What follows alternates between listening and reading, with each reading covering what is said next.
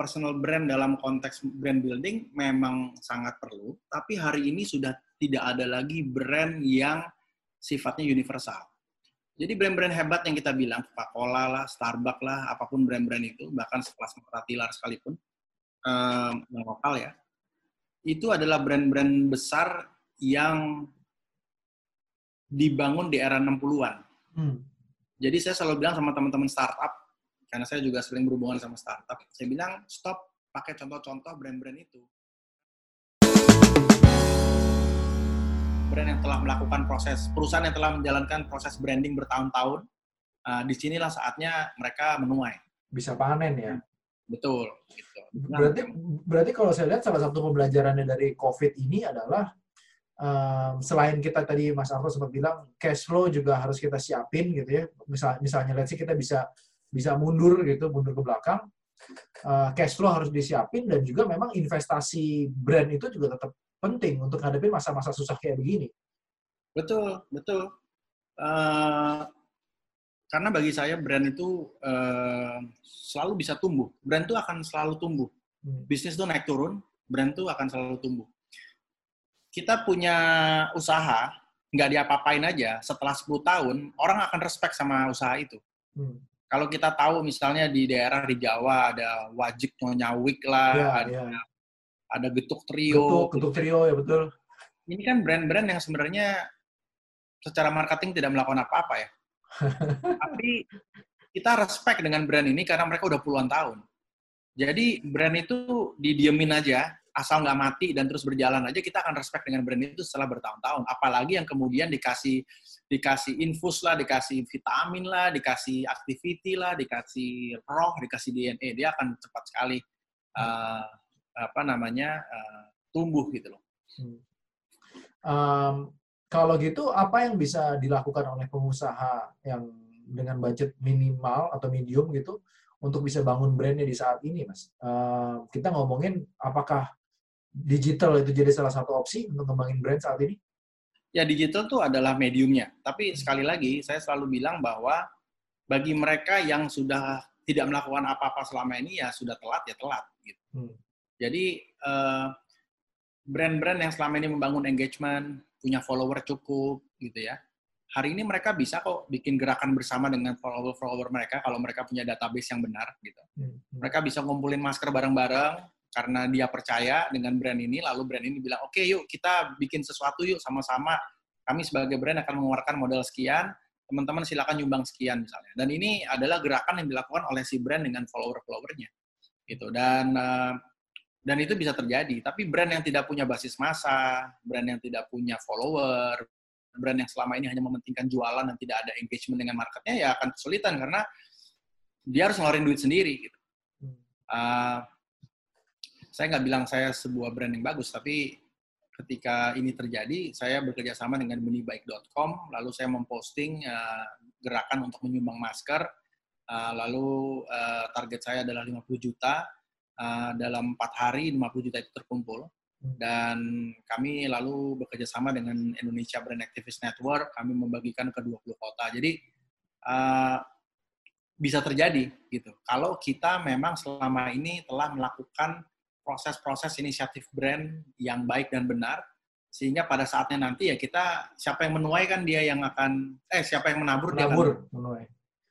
Berarti mereka yang tidak menabur ya sekarang bahkan kesulitan gitu. Mau jual makanan, mau jual ke siapa nggak punya database. Berarti bisa juga tadi yang Mas Arthur mention, kalau misalnya kepepet ya collab lah berarti ya? Ya, yang kolaps yang akan kolaps. Ini sama kayak kita perang gitu kan, saatnya yang berhasil melewati perang ya dia akan hidup, yang tidak ya dia akan mati. Hmm. Uh, nggak bisa diselamatkan, ya nggak bisa. Oke. Okay. Okay. Nah, ah, sekarang kalau misalnya kita ngomongin uh, post post post COVID gitu ya, setelah COVID uh, ini semua selesai gitu. Ya. Uh, di bayangan Mas Arto sendiri, dunia usaha itu akan jadi kayak gimana? Apakah uh, peran brand itu jadi semakin penting atau semakin tidak penting atau gimana? Peran brand tidak akan berubah sih. Peran brand hmm. akan selalu sama, yaitu menjaga asa harapan dari uh, dari masanya, dari foundernya. Tapi uh, pasti akan berubah dari sisi uh, teknis ya. Hmm. Karena kemudian bisnis model mungkin berubah, uh, kegiatan kayak kita aja hari ini mungkin kita harus sadari bahwa ternyata kita lebih sibuk dibandingkan zaman sebelum COVID ya, meeting mulu, di Zoom lah gitu kan, bisa 5-6 kali meeting gitu. Terus lama-lama kita mikir, iya ya selama ini kalau ketemu orang doang nggak kenal, Starbucks ngopi ke mana udah habis lima puluh ribu enam puluh ribu iya. ngomong setengah jam tuh orang kartu nama udah. Kalau ada kabar lagi gitu ya? Iya nggak ada kabar lagi. Mendingan langsung kenalan lewat zoom begini bisa ngobrol langsung kan bisa deteksi nah di situ kita belajar bahwa betapa tidak efisiennya hidup kita selama ini juga kan nah maka setelah covid ini selesai eh, perusahaan-perusahaan yang memiliki brand pasti juga akan mengejas begitu banyak cara uh, yang yang kreatif yang yang disesuaikan dengan kondisi zaman dan manusia itu kan adalah makhluk yang paling akalnya paling itu ya. Jadi mereka sangat mampu bisa beradaptasi dalam kondisi apa pun sih. Uh, jadi brand akan terus ada, akan terus hidup. Bahkan brand-brand yang akan kemudian kuat adalah brand yang bisa mengadjust dengan kondisi zamannya gitu.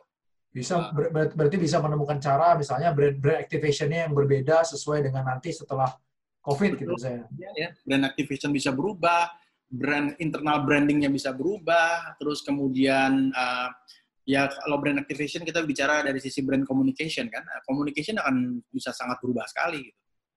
Ya, uh, baik channelnya juga bisa berubah gitu kan? Dan baik channel bisa berubah, betul. Baik channel bisa berubah. Ya, ya, ya. Bisa jadi, jadi memang, yang berubah adalah mediumnya, tapi brandnya tidak berubah. Rohnya, visi tetap, tetap penting. Brand itu tetap penting dan tetap akan dicari oleh orang, tapi bagaimana orang membangun brand itu bisa jadi berubah ke depannya.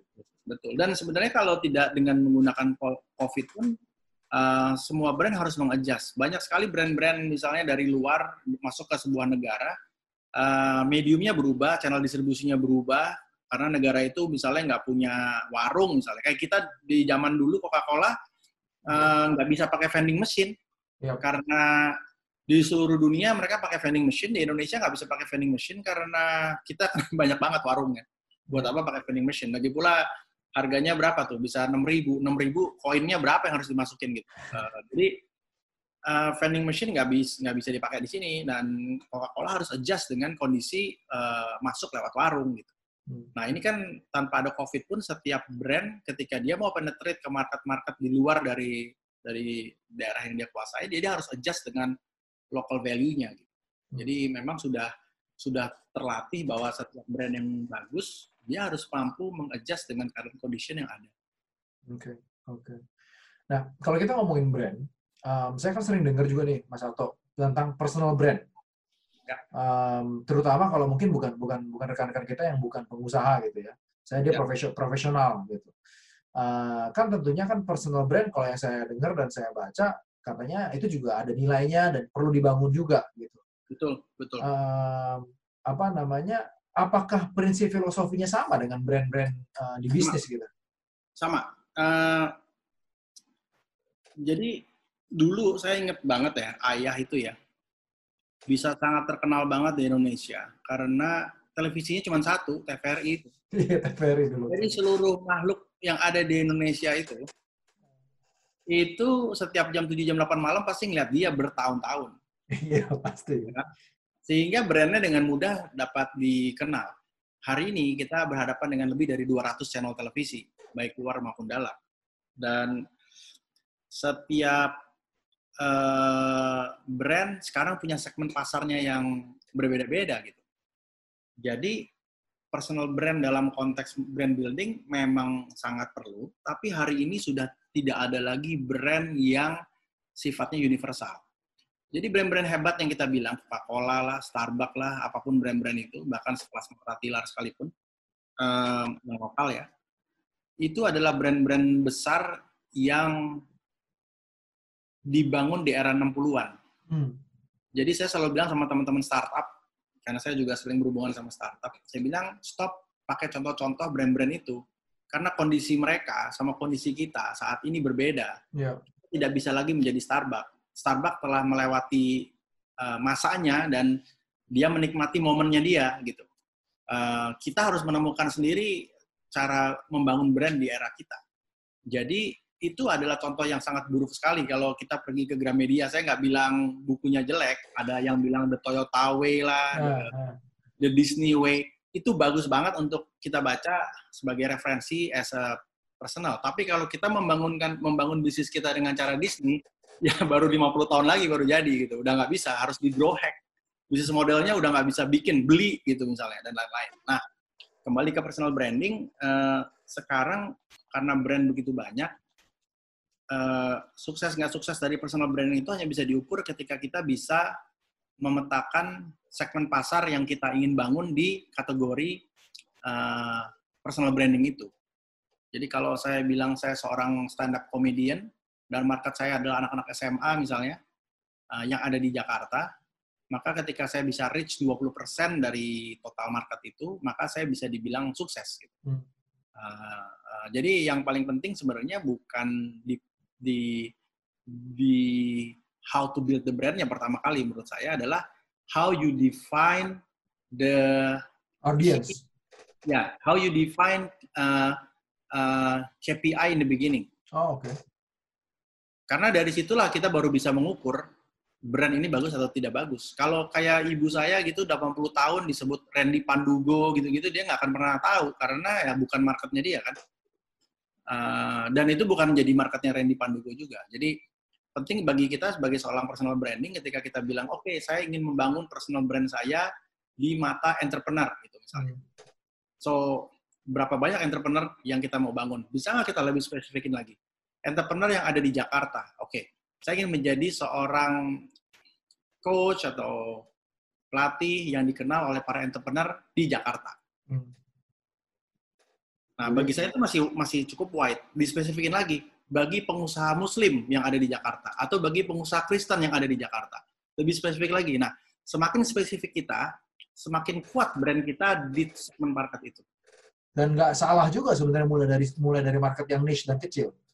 Iya, betul. Dan habis itu terus berkembang besar. Um, uh, Deddy Kobusir misalnya dari pesulap sekarang pindah menjadi uh, talk show host misalnya uh, bangunnya dari market yang lebih kecil dulu, kuat di market itu, dan kemudian dia berkembang ke market-market sebelahnya. Gitu. Ada yang berhasil ketika dia berkembang transisi, tapi ada juga yang tidak berhasil. Berarti mulai dari sesuatu yang kecil, kuasain, baru setelah itu berkembang lagi, berkembang lagi, dan dan itu journey-nya seorang brand personal brand maupun uh, bisnis brand juga seperti itu berarti ya? Ya betul. Saya, saya selalu bilang sebenarnya mengapa kemudian saya terjun di dunia brand di negara yang begini berkembang.